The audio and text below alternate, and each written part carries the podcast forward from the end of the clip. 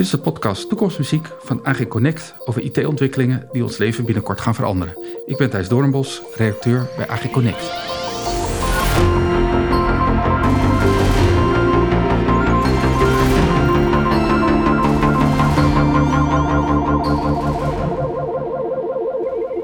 Hallo, leuk dat je luistert. Heb jij wel eens met een echte robot gesproken? De kans erop is niet zo heel erg groot, want ja, je komt ze gewoon nog niet zoveel tegen in het wild. Toch kan daar best wel eens verandering in komen binnenkort. Er zijn nog heel wat mensen die denken dat uh, robots een, uh, een, rol zouden kunnen spelen in de zorg. Om wat meer handen aan het bed te krijgen. Maar denk bijvoorbeeld ook eens aan nu in de coronatijd dat je achter de receptie zit. Als er voortdurend mensen langskomen die jou mogelijk zouden kunnen besmetten. Nou, ik weet niet of ik dat zo fijn zou vinden. Een robot zou dan een mooie functie kunnen hebben om dat eerste contact te leggen. Maar als je dat wil, waar loop je dan in praktijk tegenaan? Daarover gaan we het straks hebben met een eh, ervaringsdeskundige. Maar eerst hebben we een gesprek met Koen Hendricks. Hij is hoogleraar aan de Vrije Universiteit en specialist op het gebied van mens-robot interactie. Oké, we gaan het vandaag hebben over sociale interactie met fysieke robots in de publieke ruimte. Het gaat nu nog vooral uh, om, uh, om experimenten en te kijken hoe het publiek reageert. Hè. Dat is de, de meest gebruikelijke toepassing. Koen Hendricks heeft uh, heel veel ervaring met robots. Hij uh, werkte eerst aan de TU Delft en uh, ook bij een spin-off, Interactive Robots geheten. En nu is hij al een jaar of twee hoogleraar aan de Vrije Universiteit. Met eigenlijk hetzelfde onderwerp als, als leerstoel. nou, Koen, denk jij dat we de komende tijd vaker robots tegen gaan komen in het dagelijks leven? Ja, ik denk het wel. Die sociale robots, daar zijn we al een tijd mee bezig. En er zijn een aantal hele mooie toepassingen al voor dit soort robots in de praktijk. We kunnen ze goed inzetten in de gezondheidszorg bijvoorbeeld. Daar zijn we al best wel ver. Er zijn ook toepassingen meer in de zakelijke context. En je ziet ze al bij partijen als een Rabobank voorbij komen, bij een Ziggo. Uh, en zo zijn er meer partijen die echt al met dit soort robots bezig zijn vanuit de hospitality. En we zijn nog wat meer in de onderzoekssfeer bezig, ook om te kijken bijvoorbeeld naar het onderwijs. In het onderwijs zijn ook heel veel mooie toepassingen. bijvoorbeeld in het eh, basisonderwijs kun je dit soort sociale robots heel mooi inzetten om kinderen extra aandacht en tijd te geven om te oefenen met rekenen of met taal. De manier waarop dat moet, dat zijn we nu een beetje aan het uitpuzzelen, want die robot die kan niet hetzelfde als de leraar in het onderwijs. Uh, maar zo zijn er heel veel mogelijkheden al. Oké, okay, nou dan gaan we zo uh, op verder. Koen, jij werkte al lang met robots. Wat, wat fascineert je nou zo aan die robots? Nou, die sociale robots die hebben een enorme aantrekkingskracht op mensen. En het is ook ontzettend leuk vanuit mijn vakgebied dat ik daardoor echt aan het samenwerken ben. Met mensen aan het kijken hoe mensen zelf reageren op die robots. En dat vind ik ontzettend interessant. En voor mij is dan ook de uitdaging weer om te zorgen dat die interactie met die robots goed werkt. En dat mensen dat leuk vinden, maar dat het ook toegevoegde waarde heeft. In dat speelveld onderzoek doen, dat is gewoon ontzettend interessant. Ja, ja. Want waar, waar, denk je dat, dat robots echt iets kunnen toevoegen aan wat we nu doen? Ja, dus er, er, er, zijn een aantal redenen waarom je naar dit soort technologie zou willen kijken. dus uh, sociale robots die hebben het voordeel dat je ze kunt inzetten als je een capaciteitsprobleem hebt. Ik had het zojuist al over die uh, leerkracht die misschien de tijd niet heeft voor uh, niet zoveel tijd als die zou willen geven aan een, aan een leerling. In het ziekenhuis spelen vergelijkbare dingen. Als je vragenlijsten wil uitvragen bij patiënten bijvoorbeeld. De capaciteit is er niet altijd. En het blijkt, en dat hebben we al aangetoond, dat sociale robots daar heel veel meerwaarde kunnen hebben. Ze kunnen dat ook. Dus dat is één kant van het verhaal. Aan de andere kant zijn er ook sommige dingen die robots beter kunnen dan mensen. Bijvoorbeeld als het gaat om het uitvragen van zo'n vragenlijst, dan kunnen, ze, kunnen robots dat ontzettend consistent doen. Ja. En die doen het eigenlijk altijd op dezelfde manier. En voordat mensen dat op dezelfde manier doen, hebben ze heel veel training nodig. Moeten ze niet te moe zijn, bijvoorbeeld, et cetera.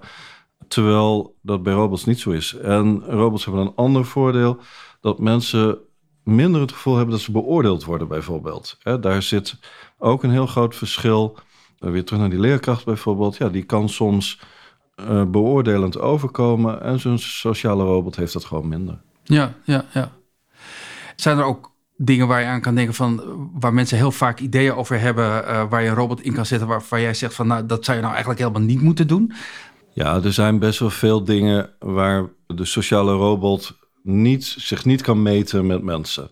dus het is echt een uh, technologie die je moet zien als een soort van assistent. Uh, die technologie die kan je ondersteunen, die kan bepaalde hele specifieke taken goed uitvoeren. Dus als je een, een goed gedefinieerde taak hebt, hè, die vragenlijst waar ik het zojuist over had, heel concreet, heel duidelijk, weten we precies wat we moeten doen. Die vragenlijst die, uh, is al helemaal voorgespecificeerd. Dat kan een robot heel erg goed. Simpele andere dingen als uh, welkom heten en uitleggen waar je naartoe moet, kan een robot ook goed. En meer van dat soort taken. Als je het heel erg generiek maakt, gewoon een algemene conversatie voeren over een willekeurig onderwerp, dat kunnen dit soort uh, technologie nog lang niet. Dus daar moet je zeker bij vandaan blijven. Het gaat vooral om die afgebakende taken waar uh, dit soort robots goed kunnen worden ingezet. Ja, dan zie je dat, dat die robots eigenlijk altijd een soort uh, menselijke vorm hebben. Humanoïde robots noem je dat ook wel. Is dat belangrijk om mensen sociaal met een robot om te laten gaan? Of ja, hoe kijk je daarnaar? Ja, dus dat is inderdaad een heel uitgesproken ding van de sociale robotica, hè, de vormgeving. Er zijn natuurlijk ook andere sociale interfaces. Hè? Je kunt denken aan smart displays zoals de Google Nest, uh, die dat niet hebben. En elk heeft zijn eigen voordeel. Dus de smart display is, is makkelijker in te zetten, maar heeft niet die uiterlijke features van de sociale robot, die wel weer heel veel doen met een gebruiker. Dus als iemand die sociale robots ziet, over het algemeen roept het ontzettend veel op. De mensen vinden het toegankelijker ook om interactie mee aan te gaan. Uh, zijn er ook wel heel erg benieuwd naar. Dus het heeft in die zin een extra dimensie. Ook vaak omdat allerlei emoties oproept. En dat helpt vaak in sociale interactie. Emotie is superbelangrijk voor ons als mensen. En die sociale robots die geven daar al door hun vorm van allerlei invulling aan. Uh, en dat doet wat met, met ons. Ja, dat, daar, kan ik me vooral bij voorstellen. Het heeft natuurlijk ook veel te maken met spraak. Ja, de kunstmatige intelligentie heeft enorme vorderingen gemaakt op dat gebied. Hè. Ik ken natuurlijk allemaal Alexa en Siri. Uh, ik ben bijvoorbeeld zelfs altijd erg verbaasd over hoe goed mijn Android-toestel uh, mijn, mijn spraak gewoon kan uittikken. Maar ja, eigenlijk is dat geen echte intelligentie. Als je, hè, de robot begrijp je niet. Denk jij dat dat belangrijk is? Dat mensen het idee krijgen dat een robot je begrijpt? Om te beginnen, waar jij ook begon met die spraakherkenning, dat is inderdaad een hele belangrijke voorwaarde voor die interactie met die sociale robots. Eh, dat maakt die technologie ook weer een stuk toegankelijker. Dus dat we daar al zoveel kunnen, dat geeft onze gelegenheid om eigenlijk veel meer natuurlijkere vormen van interactie aan te bieden aan mensen. Dus dat vind ik het grote voordeel van dit soort uh, technologie. Uh, mensen hoeven niet zich enorm meer aan te passen aan technologie die van allerlei kennis van ze vraagt of uh, vaardigheden, omdat uh, je iets van een computer moet weten of iets dergelijks. Zo'n sociale robot, daar kun je tegen praten. Mm -hmm. Dus dat maakt het simpel. De andere kant van het verhaal is natuurlijk in hoeverre begrijpt die technologie jou dan ook echt? En daar moeten we denk ik ook gewoon eerlijk in zijn. Dat is beperkt. Dat is ook waarom ik zojuist al aangaf van uh, die sociale robots kunnen worden ingezet voor specifieke taken die afgebakend zijn, waarbij we dan ook min of meer kunnen voorspellen wat voor interactie er gaat plaatsvinden, wat mensen willen van die robot en wat die robot dan moet bieden. Is het belangrijk dat die robots jou echt begrijpen? Het is in ieder geval belangrijk dat je dat gevoel een beetje hebt. dus als dat gevoel helemaal ontbreekt, dan krijgen we een stukje frustratie. En dan vind je het niet meer leuk om met zo'n uh, sociale robot uh, te praten. Uh, dus dat gevoel moet er wel een beetje zijn. Het is minder belangrijk dat die robot je echt begrijpt. Ja, ja. ja je moet dus eigenlijk voorkomen dat er irritatie optreedt. Ja, ja. ja nee, precies. Dus dat is het ding. En we zien dat, nou, als het technisch misgaat met de spraakherkenning, ja, dat is natuurlijk niet leuk. Dat is frustrerend. Als je iets wil van een robot wat hij niet kan bieden. En die robot die snapt ook niet dat jij wat anders wil. Mhm. Dat is frustrerend. Uh, dus daar moeten we echt uh, mee aan de bak. Als dat nog niet lukt, ja, dan is misschien de toepassing ook nog niet helemaal daar. In veel domeinen kunnen we dat voldoende afbakenen en komen we ver genoeg. Uh, maar dat is natuurlijk ook waarom ik nog steeds onderzoek doe naar dit soort Ja. technologie. Om dat beter te maken en te zorgen dat robots ook vaardigheden hebben die een beetje lijken op de vaardigheden die wij verwachten. Ja, ja. Ja, robots komen nog niet zo heel veel tegen, maar eh, chatbots eh, eigenlijk wel behoorlijk veel. Hè? Die, eh, op allerlei manieren, zowel in tekst als aan de telefoon. De, de conversatie met, met robots lijkt vaak wat onnatuurlijk te zijn, wat stroevig, wat blikkerig. En dat lijkt haast beter met chatbots te gaan. Heb jij een verklaring hoe dat kan? Dat is een hele goede. Er zit een, zit een groot verschil tussen. Zeker als je kijkt naar de tekstgebaseerde chatbots en de sociale robots waar je echt in natuurlijke taal, hè, gewoon met je stem tegen praat.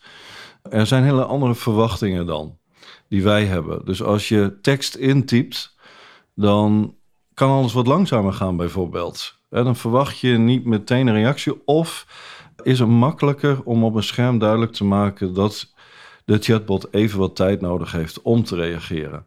En dat vinden we dan allemaal ook wel oké. Terwijl als je een conversatie voert door tegen elkaar te praten, dan verwachten we eigenlijk ontzettend snelle reacties. Het moet allemaal real time. En als er stiltes vallen, dan vinden we dat vervelend. Dat voelen we als iets wat niet klopt. En daar kunnen we ontzettend weinig aan doen. Hè? Zo steken wij in elkaar. Dus dat maakt de uitdaging om die sociale robots ja, echt goed uh, dat gesprek te kunnen laten voeren ook vele malen groter. En het heeft ook met allerlei andere dingen te maken, hè, met zogenaamde social cues, hè, signalen die we afgeven. Hè, kijk je nog naar de robot of niet? Al dat soort dingen die spelen eigenlijk mee in face-to-face -face interactie. En dat is wel het soort van interactie die je met een sociale robot hebt. Ja. En dat is gewoon vele malen ingewikkelder. Je kunt het vergelijken met als je aan de telefoon hangt met iemand anders dan krijg je minder sociale signalen door. Dan is het alleen de spraak. Maar ook al in die spraak zit al zoveel detail. Hè? Stiltes, korte stiltes die je aanbrengt... of eventjes wat andere signalen die je kunt afgeven door intonatie. En die zijn nog best wel moeilijk voor een sociale robot om op te pikken. Uh, dus dat vereist nog wat aanpassing soms van onze kant. En dat voelt niet altijd even goed. Ja, super interessant. Dus uh, ja, uh, een, een, chatbot is vaak zodanig ingericht dat hij uh, kan terugvallen op een tweede lijn. Hè? Als ze zijn vaak zo geprogrammeerd dat uh, de meest voorkomende vragen kunnen ze heel goed beantwoorden. Maar op een gegeven moment dan, ja, dan stokt het gewoon de kennis. En dan is er vaak iemand in de tweede lijn beschikbaar. Maar dat, dat, gaat wat makkelijker als je tekst hebt. Want dan, ja, dan kan er gewoon iemand makkelijk even bijspringen. Maar hoe, hoe gaat het met een fysieke robot? Hebben jullie daar al ideeën over? Want ja, die, die zal dan iemand erbij moeten gaan roepen die op dat moment even, nou ja, inspringt. Ja, nee, dat is dus ook een, een, een mooie uitdaging om mee bezig te zijn. Hè? Dus die robots die moeten de taken natuurlijk wel uh, voor een belangrijk deel zelfstandig kunnen uitvoeren, want anders is de toegevoegde waarde er niet. Dus daar werken we heel hard aan. Tegelijkertijd gaf ik al aan dat het houdt ergens op. Hè? Die robots die kunnen bepaalde dingen goed, andere dingen nog niet goed. En dan moet je een soort van overdrachtsmoment hebben. Er zit eigenlijk weer een beetje dezelfde uitdaging aan die ik zojuist ook al aangaf met dat real time. Hè? Het moet echt eigenlijk zo goed als meteen gebeuren. En dan zijn we wel naar aan het kijken. Hè? Dus, uh, en dat verschilt enorm per, per context. Hè? Dus als je in een ziekenhuis een interview afneemt, zo'n vragenlijst afneemt, dan mag het net iets langer uh, duren, maar moet er wel ook iemand in de buurt zijn voor het geval dat een patiënt zich niet meer comfortabel voelt. Hè? Ik bedoel, een ja. vragenlijst kan allerlei emoties oproepen en daar kan die robot misschien niet altijd mee, uh, mee overweg. Dus er moet wel iemand in de buurt zijn. Eigenlijk is dat, dat altijd wel het geval bij dit soort technologie, die het zou kunnen overnemen. Het moet natuurlijk wel heel beperkt zijn, want hè, anders heeft het weg. Anders ja. dan, dan is de hele functie van die robot weg. Ja. In een hele andere context zijn we daar nu ook naar aan het kijken, zijn we aan het verkennen. In uh, de retail, bijvoorbeeld een kledingzaak. Mm -hmm. Als je daar een robot neer zou gaan zetten, dan heb je hetzelfde probleem. Die robot kan bepaalde dingen misschien heel goed. Hè? Die weet misschien wel precies wat er in het magazijn ligt. Andere dingen, hè, advies geven over jouw kleding, dat voelt misschien helemaal niet zo goed voor een klant. Dus daar wil je dan een medewerker die uh, gaat inspringen. En dat kun je op allerlei manieren proberen op te lossen. We kunnen uh, afhankelijk van de zaak kunnen we kijken naar een sms'je sturen naar een medewerker die dat dan uh, een signaal krijgt op die manier om snel aan te haken. Uh, of andere vormen waarin je dat kunt gieten. Maar die handover is inderdaad een interessant probleem waar je ook altijd goed naar moet kijken hoe je dat oplost. Ja, ja. Dat, dat is in die zin vergelijkbaar met een chatbot. Ja, ja, concluderend kunnen we eigenlijk zeggen dat uh, er is nog heel wat werk aan de winkel. Ook om uh, ze nou, in de dagelijkse praktijk gewoon in te zetten. Maar ik heb niet de indruk dat uh, robots echt de wereld zullen over gaan nemen. En het blijft toch altijd dat je ja, voor heel specifieke taken een robot kan inzetten. Ja, die sociale robots die gaan niet al onze banen vervangen. Ook niet andere soorten van AI-technologie. Waar we uh, nu ondertussen echt wel achter zijn, is dat er wel hele mooie combinaties, hè, we kunnen elkaar versterken, kunnen worden gemaakt. Uh, dus het is echt die samenwerking waar we naar op zoek moeten. En dat heeft dus ook weer met mijn vakgebied te maken van hoe geef je die samenwerking een vorm? Hoe zorg je dat het makkelijk is om met dit soort technologie te werken? En dat is nog wel een ander aspect wat super belangrijk is. Dat in de praktijk eigenlijk iedereen dan wel met dit soort technologie overweg moet kunnen. Er moeten niet hele grote barrières zijn waarbij je allerlei techneuten nodig hebt. Want die heb je in een kledingzaak niet als je hem daar gaat inzetten. En ook de zorgverlener moet natuurlijk makkelijk met dit soort uh, technologie overweg kunnen. Dus daar is, is nog een praktische barrière waar we echt ook nog wel wat werk uh, te doen hebben. Maar de mogelijkheden die zijn er zeker om elkaar te versterken. Ja.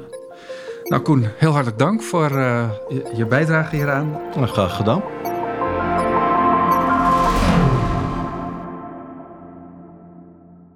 Oké, okay, inmiddels is aangeschoven Leo Fulto. Hij is manager Facilities Services Operatie bij de Rabobank Nederland. Dat klopt toch, hè? Dat is zoals de... Juist. Nou, zijn verantwoordelijkheid is onder meer de, de beveiliging van de hoofdkantoren... en als verlengstuk daarvan ook de ontvangst aan de balie. En Leo heeft mij verteld dat hij uh, daar uh, sinds enige tijd robots bij uh, heeft ingezet. Leo, zou je mij kunnen vertellen, hoe kwamen jullie op dat idee? Ja, dat is omstreeks 2017 uh, geweest. We zijn altijd bezig met te kijken van hoe kunnen we uh, het werk sneller, slimmer, efficiënter doen.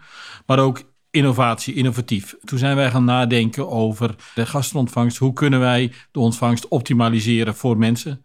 Dat betekent, ga jij naar de gastheer, gastvrouw toe als jij, als jij binnenkomt bij de ontvangst? Of gaan we nou een andere mogelijkheid erbij zoeken? Nou, we waren op zoek naar een andere mogelijkheid.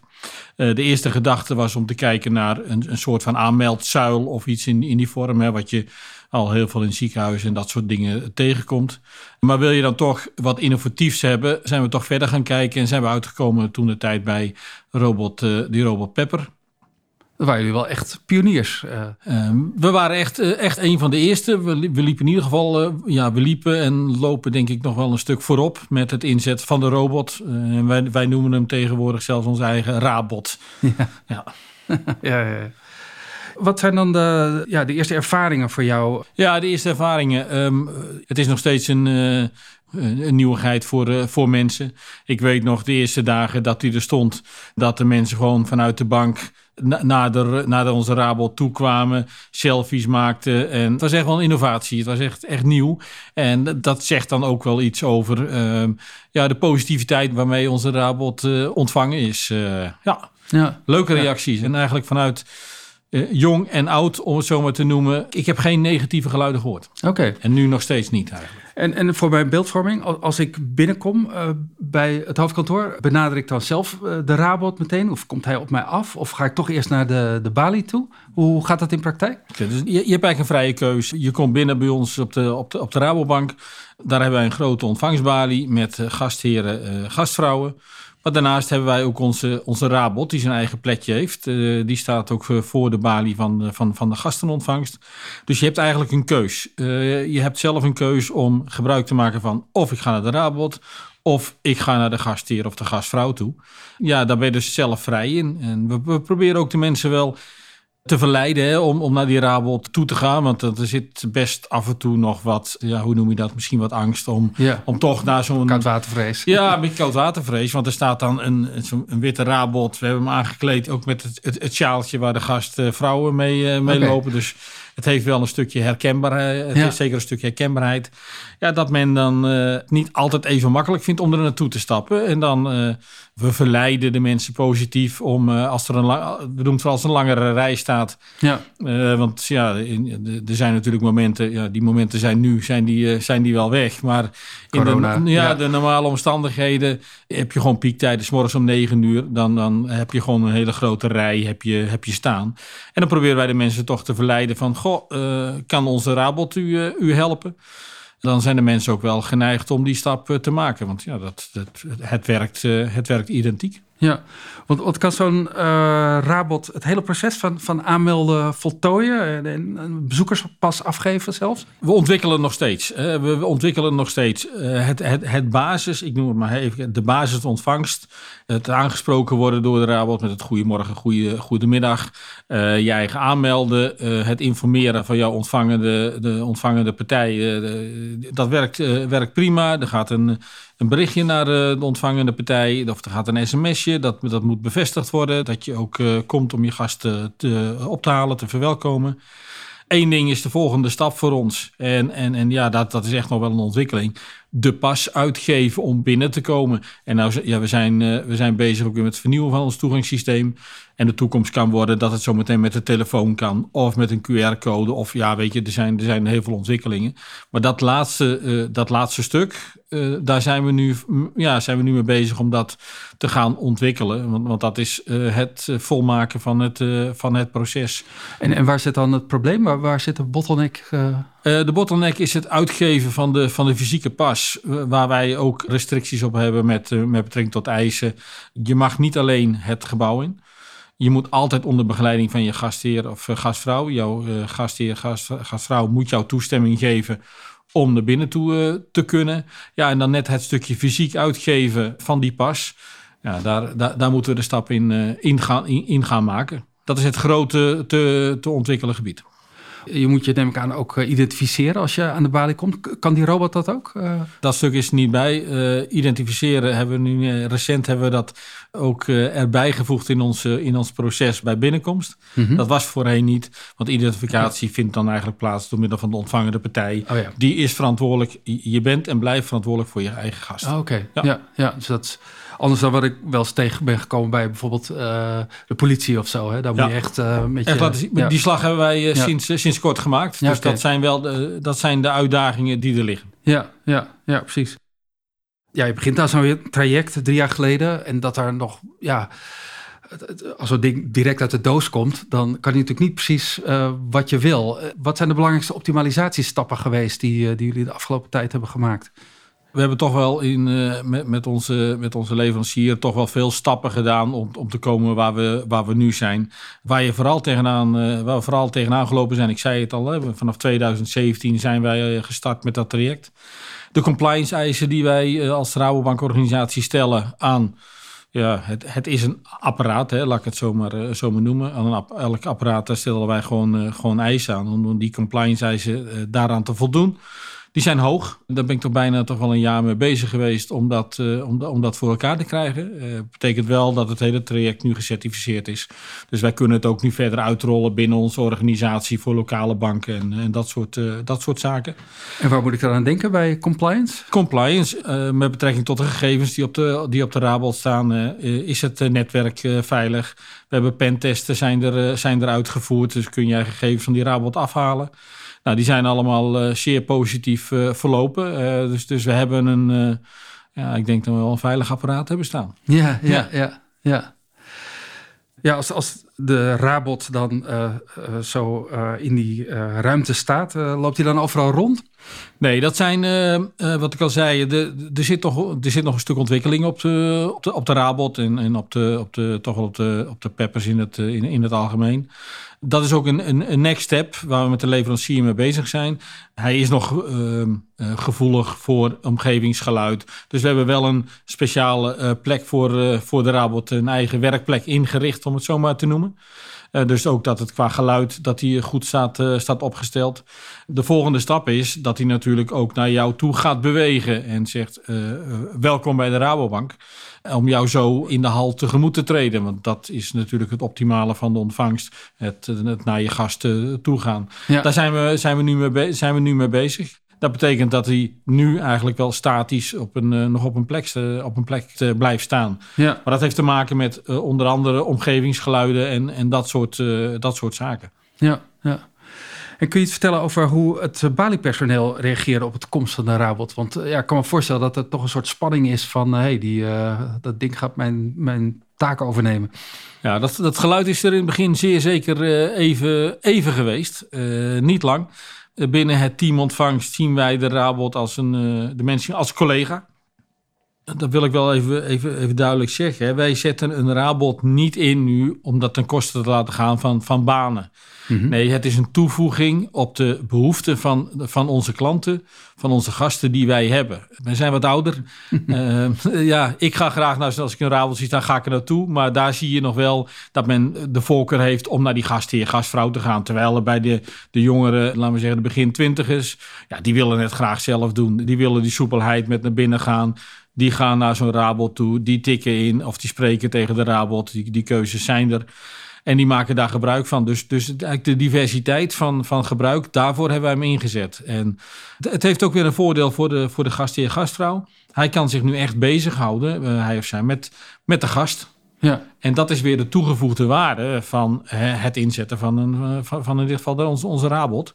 Dat onze gastheer gastvrouw kan echt de aandacht geven aan, aan, de, aan de gast met dat kopje koffie. Even dat praatje maken. Even uh, de extra de, de, de, de, ingewikkelde gevallen of zo. Hè, waar, waar misschien even, even, wat meer aandacht aan besteed moet worden. Dat, ja. Of dat stukje begeleiding wat er dan toch... Uh, we hebben gasten die we begeleiden. Je kunt net dat extra beetje weer gaan brengen. Doordat de Rabot je een stukje werk... Uh, eigenlijk het eenvoudige werk uit handen neemt. ja. ja. En uh, hebben jullie ook bijvoorbeeld al ideeën over om, om meer robots op één locatie in te zetten? Of, uh... Wat wij zeker doen is, uh, wij hebben inmiddels drie, drie rabots. Okay. Ehm, wij doen ook bij events, zetten wij zetten onze rabot zetten wij ook in.